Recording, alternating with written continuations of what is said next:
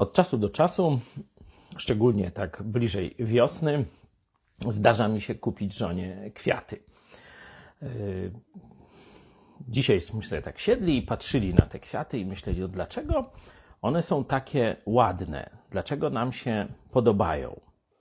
Tłumaczenie ewolucjonistów jest takie, że kwiaty są ładne, żeby tam pszczoły czy inne owady y, z daleka je rozpoznawały i no, szły tam, żeby je zapylać i jednocześnie tam pobierać ten nektar, robić miód, o takie różne tam rzeczy.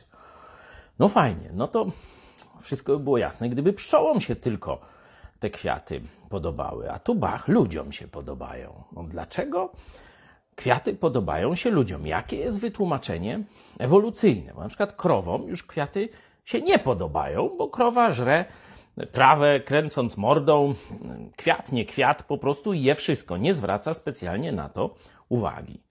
No a człowiek chyba nie od osy czy pszczoły wyewoluował, nie? Tylko bliżej mu do krowy, a krowa nic, a człowiek kwiaty bardzo lubi, podziwia, wącha i ogląda, i kolory, i kształty. Wszystko mu pasuje. Jak to wytłumaczyć? No myślę, że dość prosto. List do Rzymian o tym mówi, że Bóg dał stworzenie, między innymi kwiaty, żebyśmy mogli rozpoznać pewne Jego cechy. I w kwiatach poznajemy po pierwsze, że Bóg ma wspaniałe wyczucie piękna.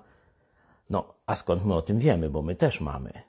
Czyli nas stworzył cudownie, dał nam wyczucie piękna i stworzył kwiaty, żeby się nam podobały. To pokazuje prawdziwość Bożego, e, można powiedzieć, punktu widzenia przedstawionego w Biblii, że Bóg cały świat stworzył dla nas, także kwiaty. Stąd nam się podobają. Przy okazji pszczołom też. A, tak na koniec, warto kupować żonie kwiaty.